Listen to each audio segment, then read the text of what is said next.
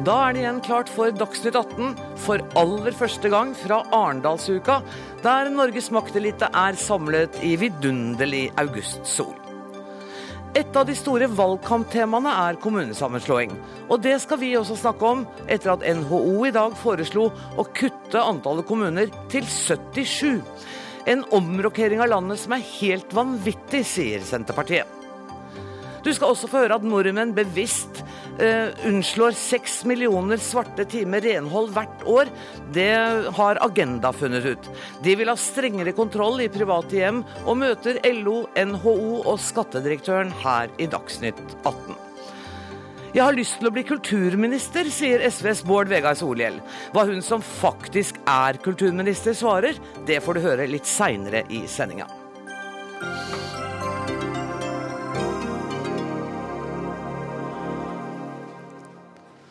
Kommunesammenslåing skaper sterke følelser, men nå har man funnet det ideelle kommuneantallet i Norge, i hvert fall om vi skal tro NHO. Løsningen er å kutte hele 351 kommuner fra kartet, ja du hørte riktig, 351 kommuner blir borte. Og så sitter vi igjen med 77 storkommuner.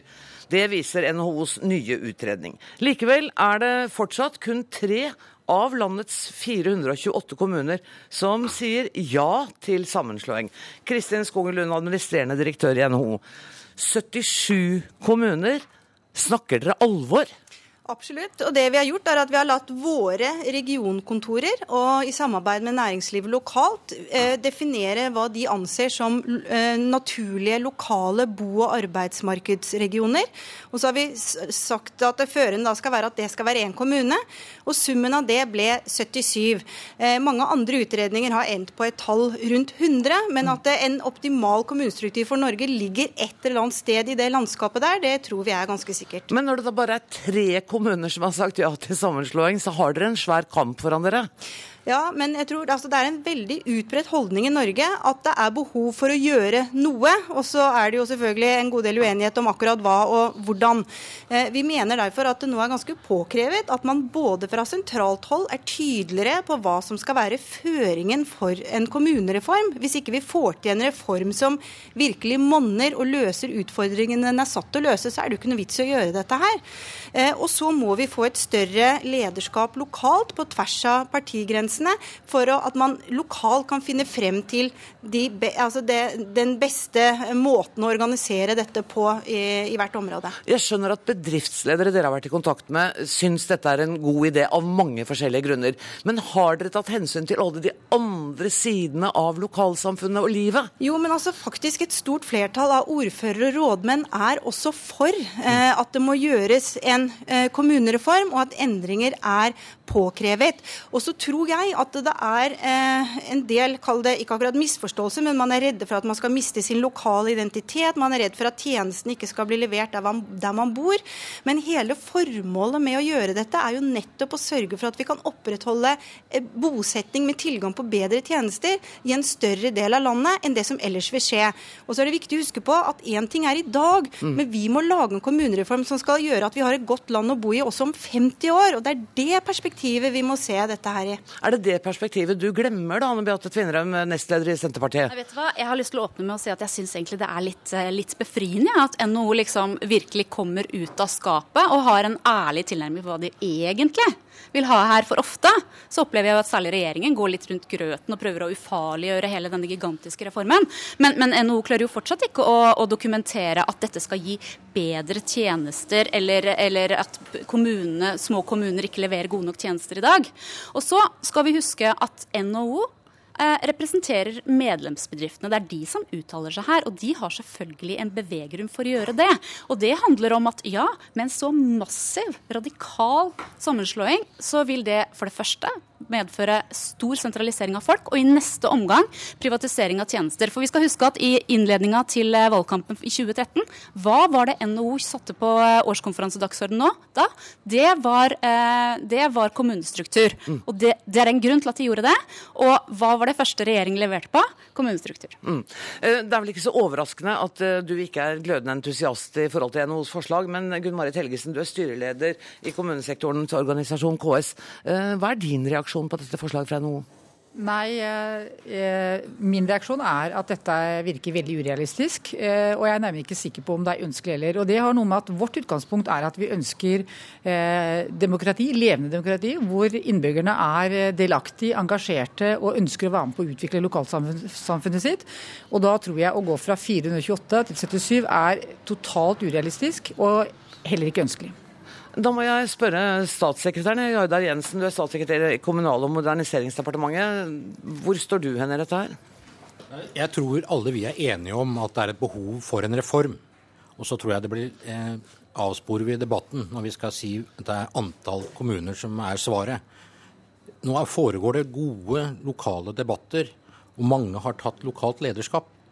Den prosessen som foregår nå, den må få litt tid til å jobbe på seg. Så kommer vi til et resultat som vil ligge under det vi har i dag, men det som er tilpasset det som eh, Kommune-Norge ønsker selv. Men bidrar NHO med å avspore debatten ved å komme med et så konkret forslag som 77? Nei, jeg tror ikke de avsporer debatten. De du heller... sa det var en avsporing. Hva var det som var en avsporing da? Det var ikke jeg som sa det var en avsporing, det var styrelederen, men det er noe så i KS. Men jeg tror at dette her kan fyre litt opp under debatten, jeg. For nå, nå vil eh, dette være, er så ekstremt i forhold til de andre tallene vi har snakket om er at nå setter vi oss ned og så finner vi ut hva er det som er det reelle. Og så er det én ting, innspillene fra næringslivet, det ser på sin måte. De lokale politikerne ser på sin måte. Og da kommer vi til å få en god kommunereform i tiden fremover. Men er du enig med KS i at dette tallet på 77 er urealistisk? Jeg har ikke noe forhold til den type tall i det hele tatt, jeg. Har du ikke tenkt på hvor mange kommuner vi bør ha i dette landet? Nei. Det, det vil vi få en avklaring på når man har hatt den lokale prosessen. Jo, men jeg, vil jo tro at politisk ledelse i ditt departement har tenkt gjennom hvor store er, kommuner og hvor mange vi skal ha? Vi er enige om at 428 kommuner er for mange. Nettopp. Så dere er litt enige med Kristin Skogen Lund, men dere tør ikke å være med på å fastsette det til 77 kommuner, fordi dere faktisk ikke har tenkt på hvor mange vi bør være? Vi har hele tiden sagt at tallet er ikke det viktigste for oss. Det viktigste er at vi nå får en god prosess hvor man lokalt finner ut hva som er den beste løsningen for tiden fremover. Hvordan skal vi gi tjenestetilbud til våre innbyggere i de nærmeste årene? Ikke i dag, men de nærmeste 20-30 årene. Der er vi enige med NHO at det trengs en reform. Kristin Skogen Lund, er du litt skuffet over KS her? Altså, vi, eh, vi, er bare opptatt av at vi får en tilstrekkelig ambisjon inn i kommunereformen, og at den baseres på det som burde være det eh, drivende prinsippet, nemlig hva som er naturlige bo- og arbeidsmarkedsregioner. Det må være det førende. Og så blir det mye snakk om at det er tvang og det ene og det andre, men altså det jo, man må jo ha en ambisjon og vite hva man mener er riktig og hva som skal være de førende prinsippene. Altså All annen politikk baserer seg på det. Man gjennomfører ikke en skattereform med å liksom la det være frivillig hvor mye folk eh, er villige til å betale. Altså Det er ikke sånn politikk virker.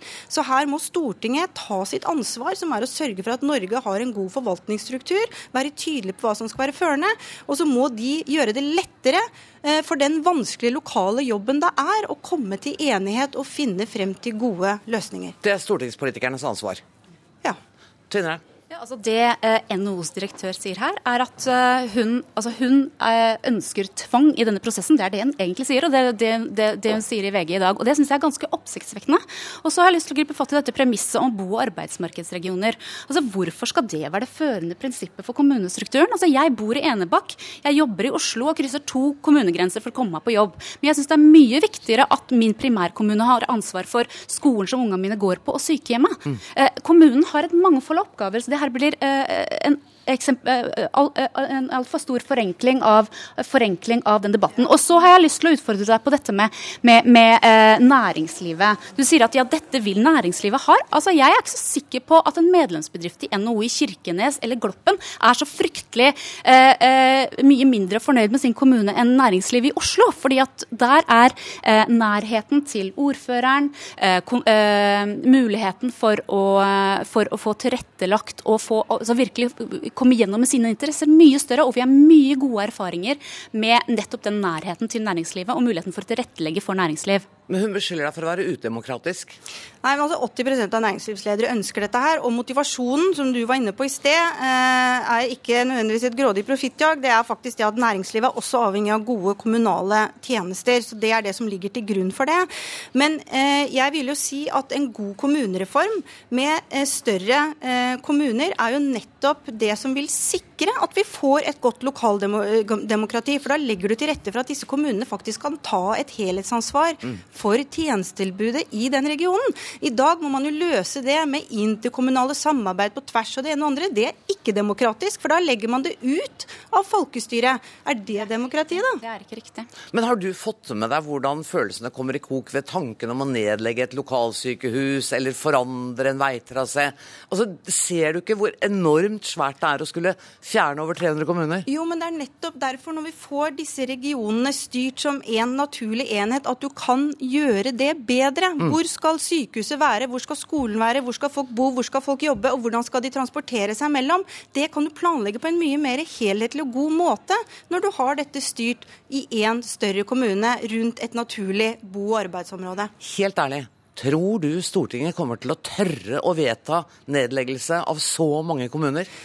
Nei, det tror jeg ikke. Nei. Men jeg tror det er viktig å ha det som en ambisjon. Og jeg mener at skal det være en vits i å gjennomføre kommunereformer, så må vi som et minimum få til en halvering av antall kommuner i Norge. Hvis ikke så er det nesten ikke noe vits i å gjøre dette her. Ok, Så dere har gått på 77, og så har dere et prutningsmål?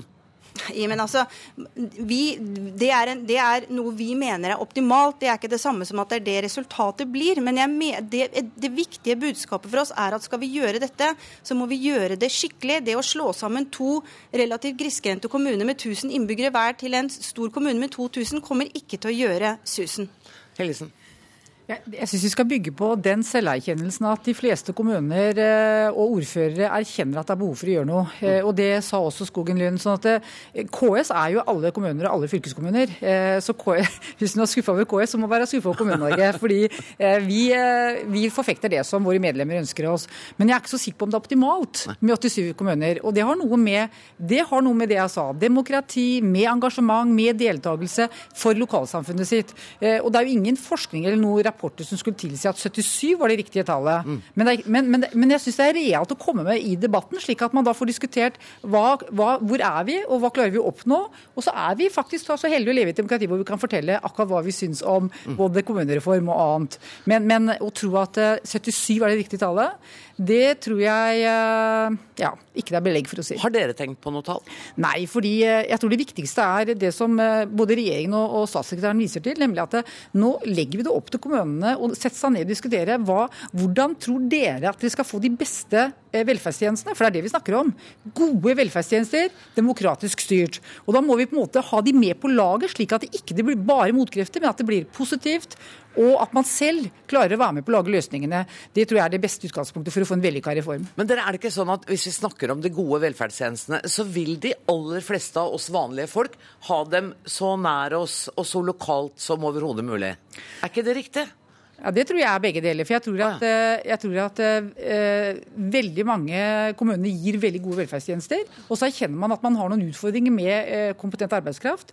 Uh, og så ser man at det er ikke optimalt slik som vi gjør nå, for nå har vi 428. Mm. Men å gå langt under halvparten og tro at det skulle være så veldig mye bedre, nei, det tror jeg faktisk de fleste vil si at der er vi altså ikke. Gjerdar Jensen. Jeg, jeg tror KS-lederen har rett i mye. At man best får denne prosessen til å gå hvis den kommer unnifra ned, hvis den skal lykkes ja. bli, bli, god. Og gi, gi, de tjenestene til innbyggerne som de har krav på, også i fremtiden. Men vi kan dra litt på erfaringen på de syv eh, kommunesammenslåingene som faktisk er verdt. Og da kommer dette desentraliseringsspøkelset til eh, Senterpartiet helt bort. For det viser seg faktisk i de evalueringene som er gjort, er at man får desentralisert tjenester. For tjenestene må faktisk ytes der folk bor. Nettopp. Så da er det ikke så farlig om man slår sammen flere kommuner, fordi man da får en styrking av desentraliseringen, da? Ja, men altså, Erfaring viser ikke det. Erfaring med kommunesammenslåingsprosesser i Danmark eksempel, viser en massiv sentralisering. Poenget er at ja, i første omgang så vil selvfølgelig disse tjenestene må ytes der de bor, men når du flytter kommuneadministrasjon i en distriktskommune, så vil i neste omgang næringslivet og alle andre arbeidsplasser flyttes etter, og til slutt så flytter folka. Så dette er i prinsippet en massiv sentraliseringsreform. Og så har jeg lyst til å si én ting til, og det handler om kvaliteten på tjenestene i kommunene. Og jeg er så lei av at man hele tiden skal snakke ut fra et premiss som at småkommunene per i dag ikke leverer gode nok tjenester. Ingen kan dokumentere, ingen har klart å dokumentere at tjenestene som kommunene, også små kommuner, leverer i dag, ikke er gode nok. Så slutt å snakke disse kommunene ned. Det med sentralisering, altså det, Kommunereformen er ikke sentralisering. En, ja, vi har hatt en sentralisering i over 50 år. Kommunere, kommunereformen er et svar på den sentraliseringen som uansett er der. Og Vi sier ikke at tjenestene i små kommuner er dårlige, men vi sier at det vil bli veldig vanskelig fremover i tid og levere stadig flere tjenester av høy kvalitet til innbyggerne eh, når eh, utviklingen går som den gjør, og når vi vet at mange mindre kommuner sliter bl.a. med fraflytting av den yngre befolkningen. Vi må se dette ikke bare akkurat hvordan det er i dag, vi må se 50 år frem i tid. Det er interessant å se på temperaturen rundt dette bordet, fordi at dette vil jo bli en svær sak i valgkampen, og det er kanskje derfor dere har offentliggjort rapporten akkurat i dag? Vel, altså vi har, eh, vi har, eh, gjort dette arbeidet fordi det er viktig for eh, de aller fleste av medlemmene våre. De er opptatt av dette, og vi ønsker å få en tydelighet som vi syns har manglet i debatten. Og du er ikke lei deg for at det blir et tema i valgkampen?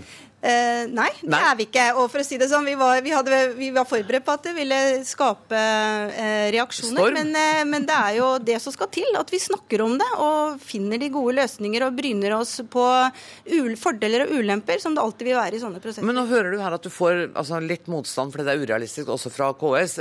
Departementet er heller ikke jublende entusiaster. Hvordan ser du på det? Altså, Jeg er ikke politiker. Jeg skal ikke velges. Eh, vi jobber sånn sett med, med litt andre metoder. Men jeg syns at man faktisk skal tørre å ha en ambisjon og ha en idé. og Derfor så syns jeg det er skuffende når alle sitter her og ingen tør å tenke på et tall. Altså, Hvordan kan man gå i gang med en kommunereform av Norge og ikke ane hva resultatet bør være, da? Mm. Sånn kan vi ikke styre Norge. Tvinnerheim, du er den eneste som ikke har fått spørsmål om dere har tenkt på et tall. Har dere tenkt på et tall? Det her skal lokalbefolkningen få lov til å bestemme i valget. og Det er derfor det er så viktig at dette settes på dagsordenen dagsorden. Så der er vi iallfall helt enige. Men det er bare Kristin altså, skal... som tør å sette et tall og si at dette er det ideelle målet for ja, antall norske kommuner. Det vet befolkningen lokalt. Hva vil gi de beste tjenestene for oss? Eh, Norge er så mangfoldig, og her vil altså NHO og regjeringen tegne norgeskartet helt på nytt på et mm. dramatisk vis, og det må jammen folk få lov til å ta stilling til i lokalvalget. Jeg har tenkt å gi de siste ti sekundene til statssekretærene. Vi har ikke noe mål fra regjeringen å tegne det kartet. Det kartet skal eh, lokalpolitikerne tegne selv. Og det er viktig, for da får vi en, en basis som gjør dette til å bli godt. Mm. Og vårt mål med denne reformen er ikke et antall kommuner. Men det er at vi skal rigge kommunene til å yte tjenester og være gode næringsutviklere i tiden fremover. Og da må vi ha en kommunereform. Tusen takk for at dere kom, Kristin Skogen Lund, Gunn Marit Helgesen, Anne Beate Tvinnereim og Jardar Jensen. Dagsnytt 18 alle hverdager kl 18.00 på NRK P2 og NRK2.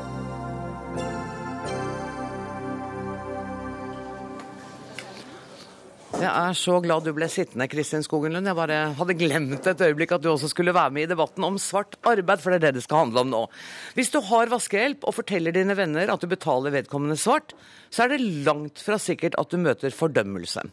I en ny rapport anslår Tankesmien Agenda at vi bruker vaskehjelp som vi betaler svart, seks millioner timer hvert år.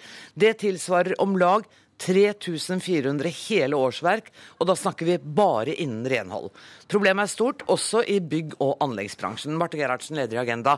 Hvordan har dere kommet fram til disse tallene? Hvordan har dere klart å få det ut? Det som er grunnlaget for vår rapport, er jo at vi ser at eh, private tjenester hjemme øker. Eh, vi har gjort en undersøkelse, en spørreundersøkelse hvor det viser at halvparten av oss har kjøpt tjenester de siste to årene. Eh, og ca. 11% har kjøpt renholdstjenester. Og av de så sier halvparten at eh, de betaler renholdet sitt svart.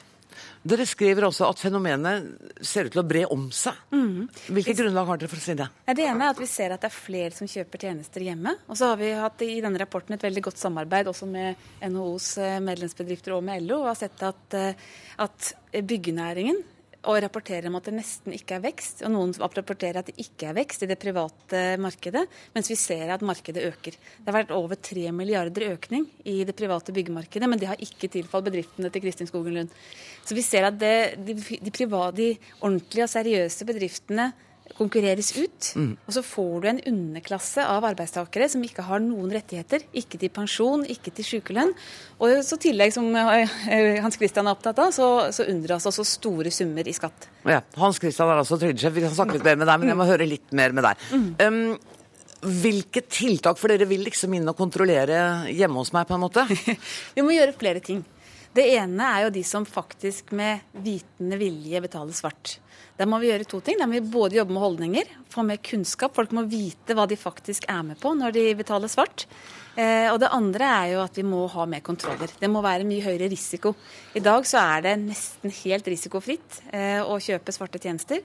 Til tross for at vi vet at svart arbeid er knytta også til annen kriminalitet. Mm. Og så er det alle de som ønsker å betale, egentlig ønsker å gjøre det hvitt, men ikke får det til. Ja, nettopp. For mm. hvorfor skal det være vanskelig? Ja, For det er vanskelig. Det er det? Det er, det er vanskelig. Det er vanskelig å finne fram, det er vanskelig å forstå. Eh, du må inn i forskjellige Brønnøysundregistre, merverdiavgiftregistre, og veldig vanskelig for den enkelte forbruker. Så og noen av oss som da har lyst til å mm. gjøre dette hvitt, vi må gi opp fordi det gikk ikke. Ja. Men det går. Det går an. Men det er det Eller man kan vaske sjøl. Ja, det kan man også gjøre. Ja. Men, men, eh, selv om det ikke er vask, så er det også andre tjenester. Male huset. Det er veldig mange tjenester vi kjøper. Eh, og da er det viktig at det er lett for forbrukeren å gjøre det gjør det ordentlig, gjøre det hvitt. Mm. Og da må myndighetene samarbeide bedre, lage bedre godkjenningsordninger. Og så tror jeg også at vi kan legge et mye større ansvar på anbudsportalene. Eh, Finn.no, anbud.no. I dag så er jo de uten selvfølgelig å ville det, men de er jo formidlere av kriminell aktivitet. Og det kan de ikke fortsette med. De må pålegges og sørge for at de virksomhetene som tilbyr tjenester gjennom disse anbudsportalene, må være ordentlige. Og så må de gjøre det lettere for oss som forbrukere å finne fram. Skattedirektør Hans Christian Holte, hva gjør dere i dag for å komme dette ondet til livs? Vi eh, har jo den samme situasjonsvurderingen som Agenda legger fram i dag. At ja. dette er et uh, alvorlig problem. Uh, og vi angriper det fra flere ulike hold. Det ene er at vi har uh, en veldig stor kontrollvirksomhet, som Marte Gerhardsen var inne på. Det er et viktig del av å møte dette. Så har dere det? Vi har mye kontroller. Hjemme hos folk? Ikke hjemme hos eh, folk. Nei, men, vi, har... men vi snakker om renhold. Der er det ikke noen kontroller i det hele tatt? Vi har, eh, vi har, ikke utstrakte kontroller i, eh, i, den private delen, det er riktig. Vi har noe kontroller, og det har også vært noen rettssaker mm. eh, på dette området. Eh, så er det også sånn at Holdningsskapende arbeid tror vi også er en veldig vesentlig del av hvordan vi skal møte dette. Eh, og jeg kan i hvert fall si at sånn som våre undersøkelser peker i retninga, og som også er gjengitt i dette agendanotatet, så har holdningene til svart arbeid utviklet seg positivt. På den måten at det er færre som sier at de aksepterer det i dag, det er færre som sier at de bruker det. Så kan det godt tenkes, ja, det at, det er, så kan det godt tenkes at det er Eh, at realitetene er at mange fortsatt bruker det, men ikke er eh, villige til å innrømme at de gjør det. Mm. Men da har vi allerede beveget oss mot en, eh, en holdningsendring som jeg mener er, er positiv. Jeg må, jeg må, spørre litt med Kristin Skogen Lund først. For dette her er jo også arbeidstimer som kunne vært lønna og gjort på en ordentlig måte. Vi snakker om 3400 årsverk. Ja, og ikke bare det, men det er jo en stor trussel mot det etablerte og seriøse arbeidslivet som faktisk prøver å konkurrere på eh, rene vilkår, for å si det sånn. De blir jo utkonkurrert. En tredjedel av alle våre medlemmer i byggenæringen melder om at de har tapt oppdrag eh, til fordel for svart arbeid. En tredjedel? En tredjedel. Og byggenæringen estimerer Det er jo veldig vanskelig å vite akkurat omfanget, men byggenæringen estimerer at halvparten av dette privatmarkedet er svart i dag. Og det er enorme summer. Det er halvparten av ca. 70 milliarder kroner. Men Geir Kristiansen, da for en gangs skyld så deler vel du og NHO hjertelig oppfatning her? Vi er, vi er veldig enige om at svart arbeid og arbeidslivskriminalitet generelt er en trussel for, vel, for velferdssamfunnet vårt. I tillegg til de konsekvensene det har for bedriftene, for den enkelte arbeidstaker.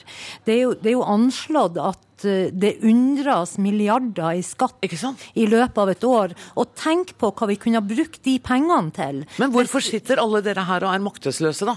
Vi, vi er jo ikke maktesløse. Det, det gjøres jo stadig en jobb for å bekjempe arbeidslivskriminalitet. Syns du det har lykkes så langt?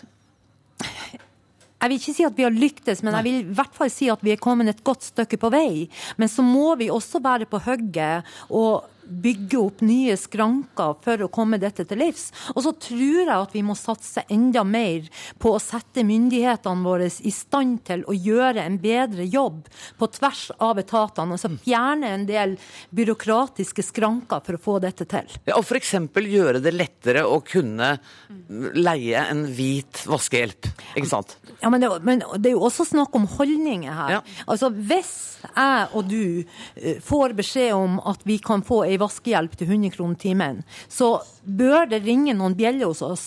Dette er for godt til å være sant. Da er det ikke sant. Da er det ikke sant. Nei. Nei. Nei, fordi at det, det, er riktig at det har vært gjort en del de siste årene mot svart arbeid i proffmarkedet. Eh, Skatteetaten og andre har jo vært uheldige og, og hyra inn eh, kriminelle aktører. Det er mange som har gjort det. Og det har vært gjort nå et veldig, eh, veldig stort arbeid for å bekjempe det. Men på privaten, altså hjemme hos oss, så gjøres det veldig, veldig lite. Og det er alvorlig, at holdningene til skatt de, de, skapes jo hjemme. Og hvis veldig mange etter hvert blir vant til å ha en del av sin egen privatøkonomi svart, så gjør det noe med hele skattemoralen i samfunnet. Men ikke bare med skattemoralen, tenker jeg. Det gjør ja. noe med holdningen din til andre mennesker og det arbeidet de utfører også. Det, det hvis, hvis, du betaler svart for mm. Eh, vaskehjelp, mm. eller du betaler, vasker bilen din mm. for 75 kroner, altså, gjør det ikke noe med hele vår holdning jo, til arbeidslivet? Det har noe med respekt for arbeid og respekt for andres arbeid. og det er klart at Hvis du, en, hvis du får folk til å utføre tjenester for deg svart, så har de altså ikke pensjonsrettigheter. Nettopp. De har ingen rettigheter hvis de blir syke eller skada på jobben.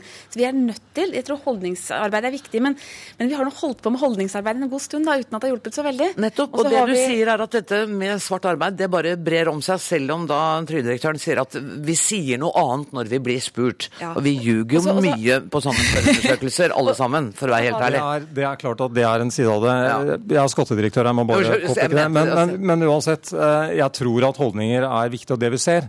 Vi har satt ned støtet i ungdomsskolen og videregående. Der ser vi faktisk at det går an å gjøre noe. Altså lære, lære ungdommen hva dette dreier seg om. Men så er jeg helt enig, det dreier seg om mer enn det. Vi må sørge for at det er lett å handle riktig, også for deg eh, som forbruker. Og der tror jeg ikke vi er kommet langt nok. Altså åpen informasjon. Eh, godt nok tilgjengelig. Vi har noe som heter handlehvitt.no, hvor du kan gå inn og ha en sånn sjekkliste og sånne ting. Men vi kan gjøre mer der. Eh, og jeg ønsker nok at vi mot privatmarkedet først skal sette deg og meg godt i stand til og handle riktig før vi går inn med, med, pekefingeren for å si det sånn, og begynner å kontrollere hver enkelt av oss. Mens på proffmarkedet så er det nok mer sånn at vi må gå etter bakmennene. Vi må ta de litt sånn større sakene. og Der bruker vi mye ressurser i dag. Og Det er bra, for det, er på en måte to forskjellige markeder. ikke sant, mm. Kristin Skonglund? Det er, det er, det proffe, og så er det det hjemme og privat. Ja. Du er også enig i at det kan gjøres enklere? For jeg har prøvd en gang, og jeg bare sånn, ga opp og så tenkte jeg jeg kan vaske sjøl, jeg. Mm. Det, det, er helt riktig. Det det er mye som kan gjøres der.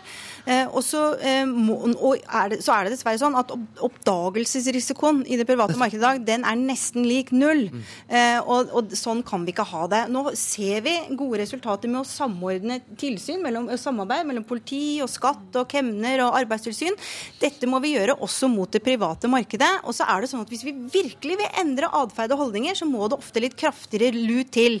Eh, derfor så går det altså an å kanskje innføre et skatteinntektsskatt insentiv for å oppgi eh, tjenestene, at man får et visst fradrag, sånn at det lønner seg mer. Det har vært gjort i Sverige og Danmark, og det har gitt gode resultater. Ja. Man kan sammenligne det litt med elbilen. ikke sant? Det er en slags subsidie som gjør at mange flere velger elbil. Og det er klart at Hvis du hadde fått et skattefradrag når du handlet hvitt, og sørget for at arbeiderne fikk alle disse rettighetene som de skal ha, etc., ja. så får du et, en skattefordel. Eh, eh, og det, det, kan, det har fordeler og ulemper, men det er med på å virkelig endre holdninger. Man må, eh, Det var en, tror det var skattesjefen i Oslo som sa at man må gjøre litt mer enn å vifte med hvite bøtter hvis man skal endre holdninger. Man må gjøre noe konkret som virkelig monner. Og det er kanskje ting vi må gå inn og se på. Vifte med hvite bøtter, du. Ja, det er... Jeg tror det var en kampanje hvor de gjorde det som han refererte til. Men, men Gerhardsen, kan skatteinsentivet være tingen her?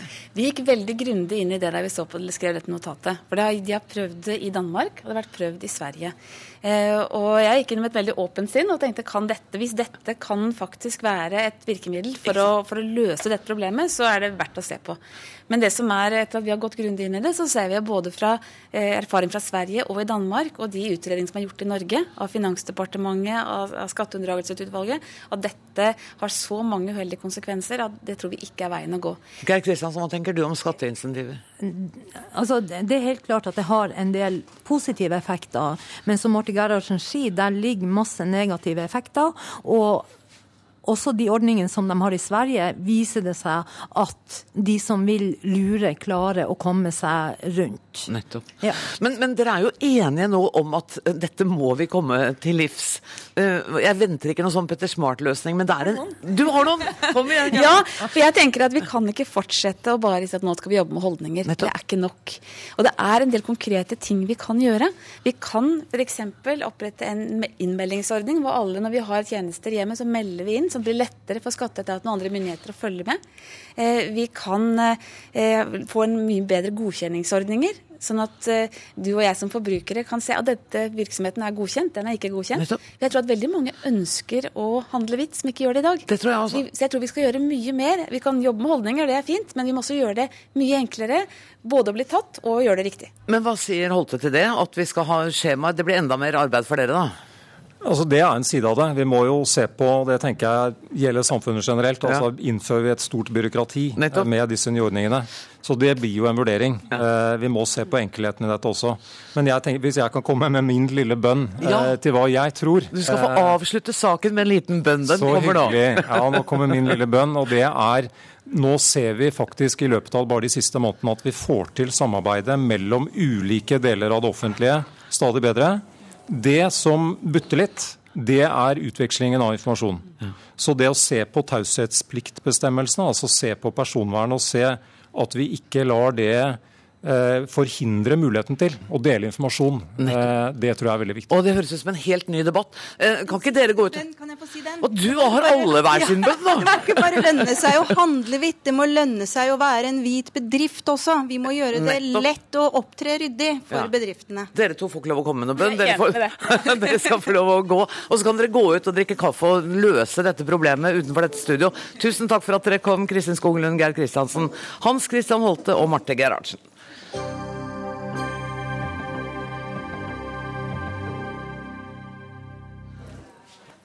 Politi og barnevern uh, får altfor få henvendelser som gjelder overgrep mot, om vold mot barn. Det kom fram på en debatt i regi av Juristforeningen og Tannlegeforeningen her i Arendal i dag. Spørsmålet er hva som skal gjøres, og hvem som har ansvaret for at barn og unge blir hørt, og at vold og, uh, og uh, uheldig atferd overfor disse unge skal bli tatt før det er for seint. Dette var en veldig rotete innledning med riksadvokat Tor Aksel Busch. Jeg tipper du skjønner hva jeg mener. Du holdt i dag et engasjert innlegg hvor du understreket at vi må orke å innse at det vonde og utenkelige faktisk skjer med barn.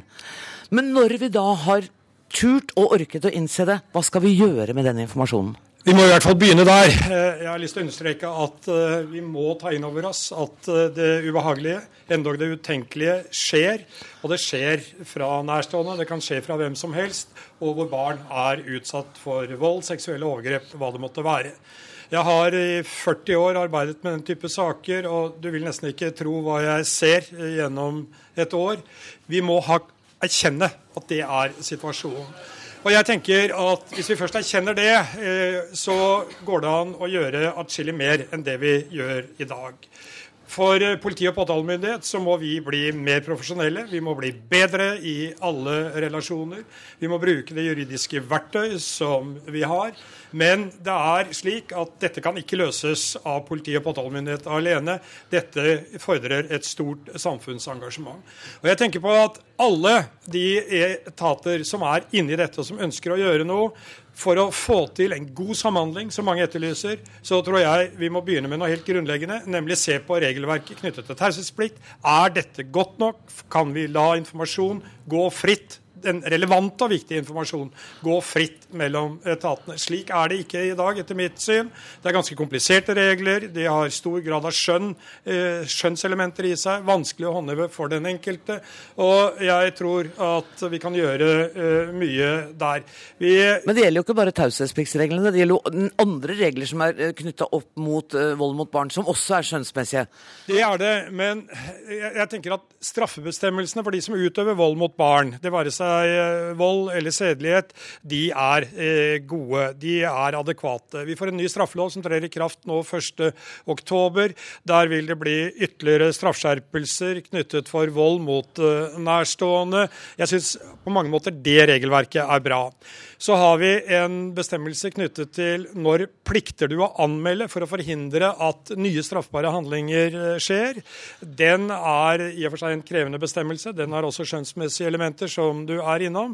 Men eh, hvis jeg skulle utfordre politikerne på min eh, høyre side her, så er det La oss starte nå med å få et omforent taushetspliktreglement som alle skjønner, og som alle kan håndheve. Da har vi kommet et eh, ganske så langt skritt videre. Jeg følte at den ballen havna på din banehalvdel, Vidar ja, Brein Karlsen, statssekretær. Ja, ja, ja nei, det, det, er helt Og vi tar, den, eh, vi tar absolutt den oppfordringa fra Riksadvokaten. og Vi er godt i gang allerede å se på det. Altså Én ting er om reglene er eh, like og, og, om de er praktikable nok. Men eh, vel så viktig tenker jeg, er å få veiledning til folk som ikke er jurister, og som ikke holder nødvendigvis eh, Riksadvokaten sitt nivå på tolkninga av lover. Der er vi. Og, og prøver å dra nytte av alle de de uh, utredningene som har vært om taushetsplikt i, over flere tiår. Men er dere i gang med å jobbe med det? Har dere satt? Ja, vi har begynt med, vi har begynt med det. Hvor, når skal dere være ferdig med det? Det er jeg litt usikker på, men, men, eh, det er en jobb som i hvert fall er kommet godt i gang. Og, derfor, og, og jeg tror det er viktig.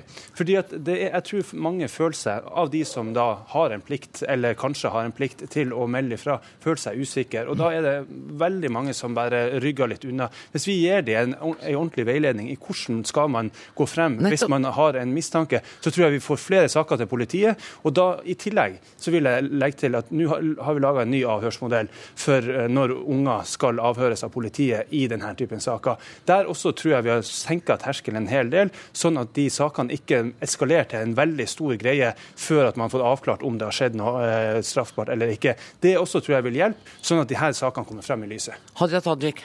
Hva er dine synspunkter på dette med taushetspliktsreglene? Det er en ganske fersk NOVA-rapport som peker på akkurat det. At eh, de taushetspliktsreglene som man har, at de misforstås så til de grader av en del offentlige ansatte at man rett og slett lar være å varsle om eh, alvorlige lovbrudd. Og da rammes ungene? Det er det de gjør. Og Da er det viktig både å gjennomgå regelverket, gjøre det klart og tydelig. Vær være sikker på at de som eh, sitter i de posisjonene, at de kan få den type informasjon. Skjønner hva slags ansvar de har.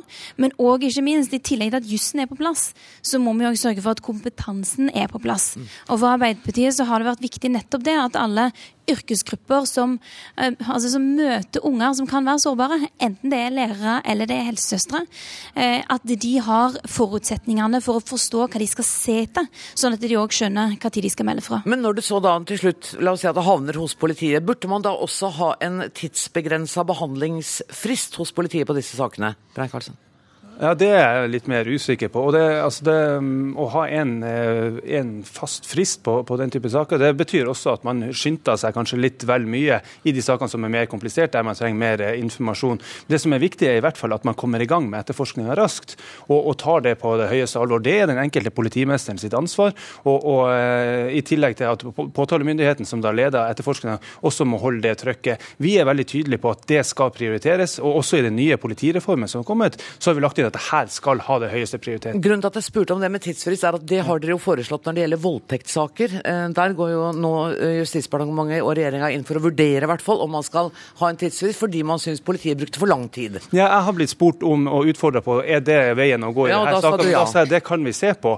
Men, men eh, og så har jeg for så vidt snakka med Riksadvokaten også, som har fryktelig gode argumenter for å ikke nødvendigvis gjøre det. Det er farlig å snakke med ham, for han påvirker deg så veldig. Ja, men, men altså, jeg har veldig respekt for de synspunktene som er kommet frem der også. at, det, at man man har veldig ulike kompleksitet på de sakene. Og, og vi kan gjøre vondt verre ved å, å, innføre den typen frister, fordi at da er det en del etterforskningsskritt som må gås over med harelabb. Og særlig i voldtektssaker vet vi jo at bevisbildet er så vanskelig at da kan det være vanskelig. Ok, Så regjeringa kommer ikke til å gå inn for at det er en tidsfrist på f.eks. 120 dager på behandlingen av det. Da, du, du har klart å overbevise statssekretæren? Ja, vi får jo se. Altså Intensjonen er jo det aller beste. Sakene tar for lang tid, så de må gå raskere. Men de er veldig forskjellige. Så å ha én frist som gjelder i alle saker for hele landet, det er jeg veldig skeptisk til. Vi har pålagt politimesterne å bruke etterforskningsplaner i denne type saker. Etterforskningsplaner skal inneholde tidspunkt for når du anser deg ferdig, når de enkelte etterforskningsskritt skal være gjennomført. Det skal være et dynamisk dokument. Den skal gi fremdriften. Det er et bedre tiltak. Vi må få prøve ut det helt ut og se hva resultatene av det blir. Men dere har jo prøvd ut en del steder? Ja, men eh, Hvor bra nå synes du det har gått? vi piske politiet mer, fordi de har ikke tatt dette ordentlig inn over seg. Og det er vi i full gang med. Så dette, dette blir bedre. Det er helt uh, sikkert. Hvor bekymra er du, riksadvokat, over at du pisker og, og gir ordre, og så blir du ikke hørt? Jeg skulle ønske at uh, man i større grad uh, hørte på det vi sier, uten at det var nødvendig med noen ekstra runder. Jeg syns nok uh, at det er litt ujevn etterlevelse. Noen distrikter er helt utmerkede.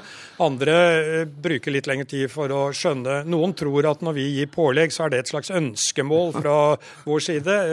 vi bringer de ut av den misforståelsen, for å, å, å si det slik. Men ja, det skorter litt på etterlevelsen. Men nå har Politidirektoratet mye mer oppmerksomhet knyttet til etterforskning som sådan. Og det vil barn og voksne eh, nyte godt av. Vi vil få bedre etterforskning i dette landet, det er jeg ganske sikker på. Ja, for det er det det handler om. Dette handler om mennesker. Mennesker i utrolig sårbare og utsatte situasjoner, ofte i krisesituasjoner. Hvis det ikke blir tatt på alvor, eh, Tajik, så har vi jo på en måte gitt opp som et kultursamfunn. Det er helt sant. Jeg tror at Vi må skille mellom to typer frister. Den ene typen frist som vi på en måte har snakket om nå, er jo totalen i etterforskningen. Ja. Tid man skal være i mål med en etterforskning. og Her mener jeg at eh, Riksadvokaten har rett i at det er såpass store forskjeller i kompleksitet at man må vurdere hver enkelt sak. Hva er det man trenger her? Hva, altså, og hvor mye tid og hvor mye eh, arbeid er det som skal til for å oppklare denne saken. Men den andre typen frist er jo det som handler om det å komme i gang. I det øyeblikket man får det første varselet om at det er noe noe galt kan ha skjedd. Og her er det jo politiske forskjeller. Arbeiderpartiet mener f.eks. at eh, fristen for eh, dommeravhør av barn som har blitt utsatt for seksuelle overgrep, at den skal ned fra to uker til én uke. Da trenger man flere virkemidler. Det ene er jo jussen i det, altså at man eh, endrer på regelverket og sier at eh, fristen skal ned. Men det andre man trenger, det er jo òg økte ressurser til barnehusene. Mm. Altså at man er villig til å øremerke midler til barnehusene. Og ikke minst så trenger man flere dommeravhørere, sånn at disse avhørene mulig å gjennomføre. Det som eh, regjeringen jo har foreslått og fått flertall for, det er at man skal ha differensierte frister for dommeravhør av barn. Og det det da handler om, er at eh, avhengig av hva slags alvorlighetsgrad man har inntrykk av at saken handler om, så skal det være én, to eller tre ukers frist. Eh, og det som jo er problemet med det forslaget, det er jo at når man hører om saken første gang, så er det ikke alltid mulig å, å fastslå hvor alvorlig saken er. Mm. Og man risikerer at det som fremstår som en lite alvorlig sak, egentlig viser seg å være svært kompleks og svært grov. Riksadvokat, hvor stiller du deg i disse Jeg skal ikke ta stilling til akkurat én til to uker av den delen, men det nye reglementet, det nye regelverket som vi har fått, det er bra. Det hilser jeg meget eh, velkommen. Det skal settes i verk nå fra 2.10. Gjelder det dommeravhør og de tingene som Ja, da blir det et helt nytt eh, regime. Og Det som eh, sett med mine øyne er ganske viktig, det er at den som er mistenkt, skal ikke varsles om det avhøret, slik at vi kan gjøre det i skjul for vedkommende, og så se om det er noe hold i denne saken, som statssekretæren var innom. Det vil kunne gi oss mulighet til å bruke andre etterforskningsmidler hvis det er hold i saken. Hvis du sier fra til en at eh, nå blir det avhør av Eh, barnet ditt, du er mistenkt for seksuelle overgrep mot barnet ditt. Hva tror du vi finner på videoen hans kommer, eller på maskinen hans når vi kommer om 14 dager? Eh, det er ikke stort. Eh, så nå kan vi gjøre dette uten å si fra og, og, og, se, og gå videre med de rette sakene. Så det er et bra tiltak.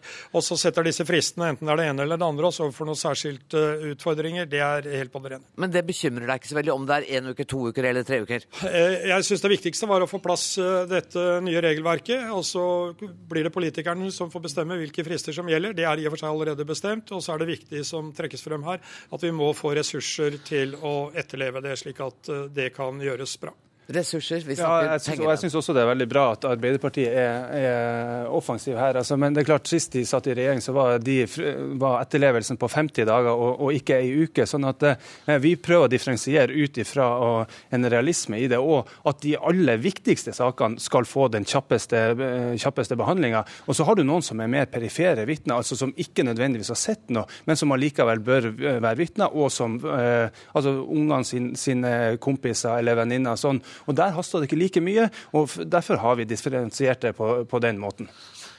Vi har en justisminister som har stått på eh, Stortingets talerstol og sagt at han mener at eh, det at et barn har vært vitne til vold, ikke er like alvorlig som at et barn blir utsatt sagt. for vold. Ja, vitne i saken er det snakk om, ikke vitne til vold. Altså, Dette er det justisministeren har sagt. Hvis det er sånn at uh, justisministeren har meint noe annet enn det han har sagt, så er jo det òg informasjon som er interessant, men dette er det han har formidla fra Stortingets talerstol.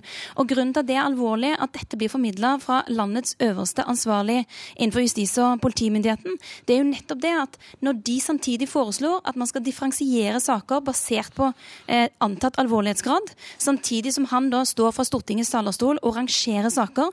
Når alle fagfolkene på feltet sier at unger som er vitne til vold, de er utsatt, utsettes for samme typer traumer, og noen ganger òg samme typer konsekvenser som barn som selv har vært direkte utsatt for vold. Fagfolkene på feltet er dypt uenig med det justisministeren her har sagt. Men, men, altså, Nå sitter du og bløffer her, ikke sant? For, så, Disse sitatene kan alle gå tilbake og sjekke. Justisministeren har sagt at noen kan være vitner i sak, og, og, men de som har vært vitne til vold, det, det og når mor eller far får uh, juling, for å si det rett ut, det er jo meget alvorlig og vil komme inn under en av de to første, første kategoriene. Ikke, ja, ikke sant? Hvis han har skifta standpunkt, så er jeg glad for det. Uh, vi er nødt til å avslutte ganske snart, men tidligere i dag uh, under denne debatten så sa Riksadvokaten at uh, han trodde knapt det var noen, noe saksområde som hans kontor har arbeidet mer med enn nettopp dette.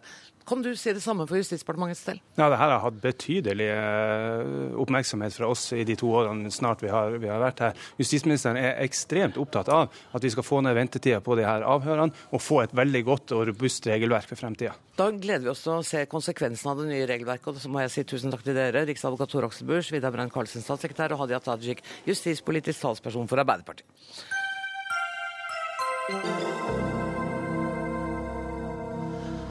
Ja, som de fleste seere og lyttere vel har fått med seg, så sender vi altså fra Arendalsuka. Eh, den politiske uka som blir eh, arrangert det er vel for fjerde gang, Øystein Djupedal. Ja, det er det. Du er initiativtaker og leder av programkomiteen. Eh, forklar, altså Det er utrolig gøy å være her. Det er så hyggelig, takk. Det er fantastisk vær, blide folk. Ja. Men hvorfor har vi denne Arendalsuka? Nei, Det er for at dette er en vitalisering av folkestyret vårt. Ja, altså, Er det det? Det er det som er ambisjonen vår. Altså, Vi tror på demokrati, folkestyre, at mennesker møtes.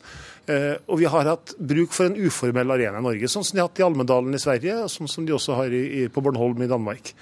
Og så har jo det vist seg at det er så mange som har lyst til å være med. Ja. Så vi har blitt så svære på så kort tid. Eh, og det syns vi er kjempehyggelig å være med oss.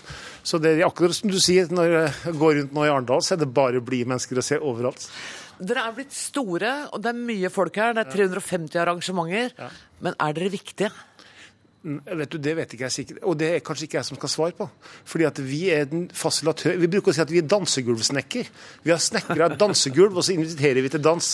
Og hvis det Er mange er ikke det litt bekymringsfullt at dere bare inviterer til dans? Det ligger litt lite alvor i det, tenker jeg. Ja, men vi arrangerer masse debatter. ikke sant? Altså, Vi arrangerer 24 debatter med Norges viktigste aktører. Statsråder i alle debatter, de viktigste aktørene i alle debatter. Så håper vi at det dansegulvet som da også er debattene, at det er viktig for norsk politikk. Men vi legger oss ikke opp i temaene. Men alle de temaene som du har hatt i dag, Dagsnytt 18, er jo tatt fra våre debatter inn i storsalen. Og jeg har prøvd, set... å, prøvd å, referere og si det ja, hver gang. Ja, Og det setter vi veldig pris på, for vi prøver å sette viktige spørsmål på dagsordenen og ha de viktigste aktørene. Men hva statsråden skal si, eller hva opposisjonslederen skal si, eller hva programlederen ønsker å lede etter det, det legger ikke vi oss opp i. Hvordan ser du for deg utviklingen av Arendalsuka? Vi, altså I løpet av disse åra har jo dette blitt veldig stort, som du sier. Um, hvis politikerne, hvis organisasjonene, hvis liksom samfunnet syns at dette er en fin arena, så vil den vel vokse videre fremover. Eh, men vi er egentlig der at hvis vi kan holde oss på dette nivået her, med de viktigste aktørene til stede, så er vi veldig godt fornøyd. Men det er klart at vi ser jo ennå, og får jo masse henvendelser om, om folk som ikke er her ennå, og som gjerne vil komme. Og det håper vi jo veldig. Og vi har en veldig sterk ambisjon om å om å, om å, sette en politisk dagsorden i august, før liksom høsten starter, med de viktigste menneskene, debattene her fra Arendal, og at Dags eller la meg si at du kommer hit, at Dagsnytt 18 kommer til Arendal, er jo et eksempel på at vi tross alt betyr ditt. da. Ja, For du har vel ikke vært ute av Oslo før, har du det? Nei, jeg har aldri vært ute av Oslo Nei, ikke sant? Så bare det er jo et poeng. Men du, eh, dere tok ideen fra Almedalsuken, ja, ikke sant? Men, men, opprinnelsen her er jo da en annen. For det, opprinnelsen i Almedalsuken var jo Olof Palme. Ja, det var Palme, det er riktig. Altså, Dra oss gjennom hvordan det der begynte. Nei, det, altså, Mange av oss som satt på Stortinget har jo diskutert at vi har bruk for en sånn arena. Og mange hadde jo tenkt denne tanken at vi burde få til en sånn arena. Og at det ble meg som skulle være med på dette, var en liten tilfeldighet. Men jeg kom ut til Arendal som fylkesmann og så at dette var en ideell by for det. Og mange andre hadde tenkt denne tanken også. Og så slo vi oss sammen og fikk til dette. Og så hadde vi jeg håper å si, vi hadde, altså, i, vi hadde et program det året terroren ramma oss. Eh, og det måtte vi avlyse. Men vi fikk på mange måter en tilgodelapp. Fordi at alle de politikerne som sa ja til oss når terroren ramma oss, de kom året etter. Og dermed så fikk vi året etter et veldig godt program med de viktigste aktørene, med partilederdebatt. Og vi husker jo alle sammen da Grete Faremo som satte den Mæland av på direktesendt TV. Det er klart det var en dramatisk politisk begivenhet som skjedde direkte fra Arendal. Og det gjorde at mange ble oppmerksom på at Arendalsuka var en arena. Hva er din rolle neste år? Rådet har bedt meg om å lede programkomiteen et år til, og det har jeg sagt ja til. Eh, så det er litt avhengig av hva jeg skal gjøre. For det vet du ikke? Nei, jeg går av som fylkesmann 1.10. Det er du lei deg for? Jeg ville veldig gjerne ha blitt eh, fylkesmann for det samme Agder. Eh, det har jeg aldri lagt skjul på. Nå ble det ikke sånn, og da håper jeg at livet gir noen nye muligheter. Det er jeg sikker på. Vi ønsker å bo her i Arendal hvis den muligheten byr seg. Vi har hus her, familien trives godt her. Og jeg trives veldig godt på Sørlandet. Og hvis eh, det går som det skal, så er Dagsnytt 18 på plass neste år òg. Ja, du er hjertelig velkommen. Jeg gleder meg allerede. Tusen takk skal du ha, Øystein Djupedal. Hør Dagsnytt 18 når du vil. Radio NRK Radio.nrk.no.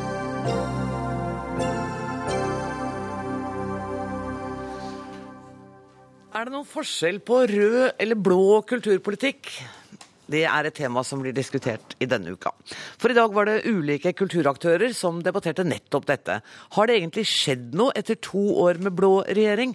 En av debattantene har iallfall et eh, sterkt ønske. Bård Vegar Solhjell, du sa, jeg var ikke til stede, jeg har fått referert, at du sa at du har en drøm om å bli kulturminister. Du er ikke snau. Ja, sånn, det, det hørtes veldig sånn altså, Vi ble spurt, da. Hvis du blir kulturminister, hva ville du gjort? Og da sa jeg som sant var at det kunne jeg godt tenke meg å bli, faktisk. Mener, Hvis du er levende opptatt av kultur som jeg er, ja. så er det jo en drømmejobb. Hva ville du gjøre annerledes enn Tori Vilde? Uh, jeg tror jeg ville gjort mye annerledes uh, enn hun. Altså, hun gjør en del bra ting, men kort. Jeg ville gjennomført et nasjonalt bibliotekløft. Jeg ville ha ført, tatt en øremerka opptrapping fra staten. Bibliotekene har kommet tapende ut i Kultur-Norge i mange år. Eh, det er nå dokumentert. Uh, og det, ja, det, gjør de altfor lite med, etter mitt syn. Jeg ville gått løs på digitaliseringa, uh, som er en kjempeutfordring for alt fra mediene til film, musikk osv. Og, uh, og jeg ville ha brukt langt mer ressurser, penger. På alle andre felter så krangler høyre og venstre om hvem som er flinkest til å bruke penger. På kultur så prøver ikke engang Høyre og Fremskrittspartiet å konkurrere med oss. Og Det er ikke flaut å si at vi skal bruke penger på kultur hvis kultur er virkelig viktig så må vi være villige til å, finansiere det opp sånn som vi gjør med andre ting som vi syns er virkelig viktig. Toril Vidvær, kulturminister. Eh, han, det første han sier, er at eh, han kritiserer dere for uh, biblioteksatsinga. Du har nettopp levert en melding om bibliotekene. Tar han helt feil? Ja, altså Det som er interessant, det er jo ikke så lenge siden at SV fremmet et forslag i Stortinget om at man skulle få til det, og de ble nedstemt. Altså, det var vel eh, SV og, Senterpartiet som støtta det forslaget. Og Det har de gjort, det har vært gjort mange ganger før. Det er en brei enighet i Norge at det er kommunene som har ansvar for bibliotekene. Det er de som har det økonomiske ansvaret. Men så er det det at statens ansvar det er jo bl.a. å være med på å få til ulike initiativ. Ja. Være med på å bidra til en nasjonal satsing. Og det er den eh, nasjonale satsingen, strategien for bibliotek, vi la fram i går, som faktisk er blitt godt mottatt, og som også tror du støtter, det er jo å motivere altså kommunene rundt omkring i Norge til å tilpasse seg en ny tid. F.eks. gjennom at eh, de kan la disse bibliotekene bli viktige møtearenaer, viktige debattarenaer, viktige arrangementer for barn og unge. Gjør det litt moderne, lytte litt på folk hva de har behov for. Og så få folk til å begynne å bruke bibliotekene mer. Det er nødvendig. Det tror jeg vi skal være enige om. At bibliotek det er faktisk en av de viktigste kulturinstitusjonene vi har i Lettland. land. Den strategien som ble lagt frem i går, har mange fine ord som jeg frykter ikke vil bli satt ut i livet. Og jeg syns kulturminister at du gjemmer deg når du bare sier at dette er kommunenes sak. Tenk om kunnskapsministeren kom her og sa at det er skolen, det er kommunenes sak. Selv om det er det. Ja.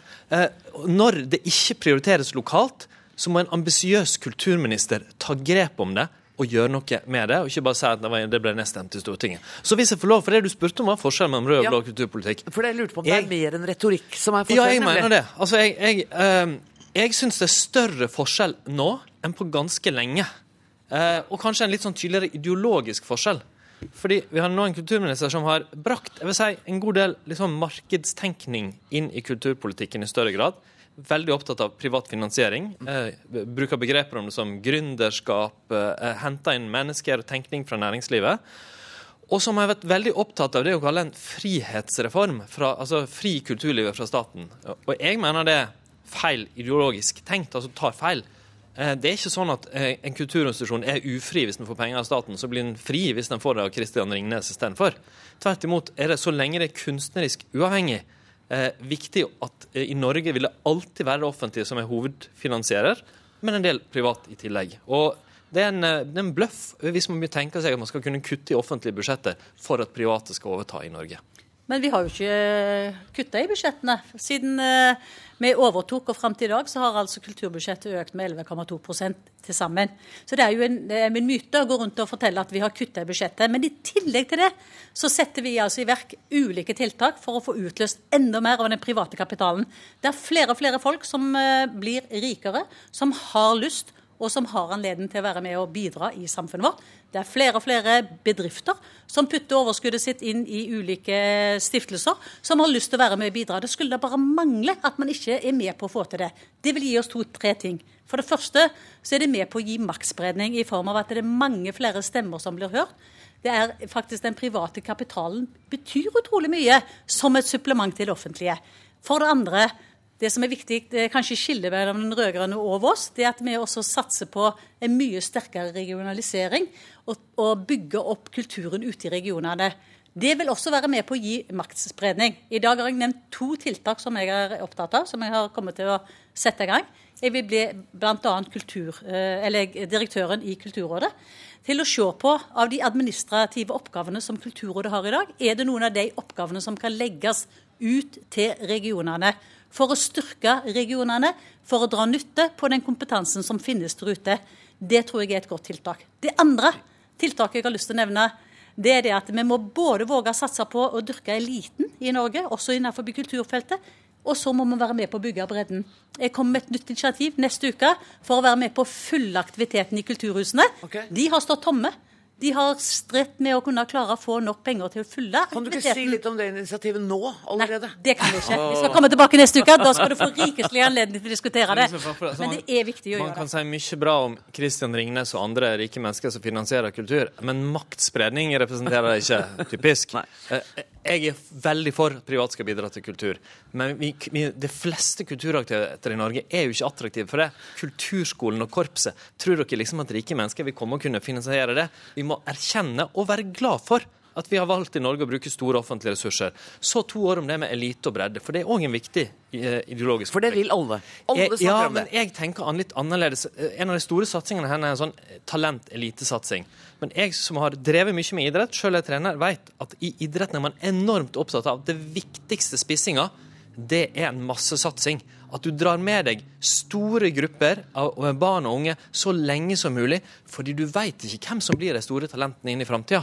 Og det, derfor er det litt rart, synes jeg, å være så opptatt av de små elitetingene istedenfor de store tingene på bibliotek og kulturskole det som, og, og kultur inne i skolen. Det som virkelig er viktig for barn og unge og mennesker over hele Norge. Men vi satser jo både på bredden og på Men eliten. dere satser er er altfor lite på bl.a. kulturskole. Ingen løft på det, og ingen store økonomiske ressurser til bibliotekene. dere har Men lagt. det som er helt tydelig er at dere vil det beste begge to, og så er dere litt uenige om veien. Jeg vet ikke om dere blir enige i løpet av kvelden, men eh, dere rakk i hvert fall ikke å bli enige i løpet av denne Dagsnytt 18-sendinga. Jeg må nemlig avrunde. Dere kan sitte her mens jeg sier takk til Toril Vidvei og Bård Vegar Solhjell. Og så skal jeg helt til slutt fortelle at ansvarlig for denne sendinga var Ingebjørg Sæbu. Det tekniske ansvaret har Frode Thorshaug. Jeg heter Anne Grosvold, og jeg sitter ved dette bordet i morgen klokka 18. Takk for nå.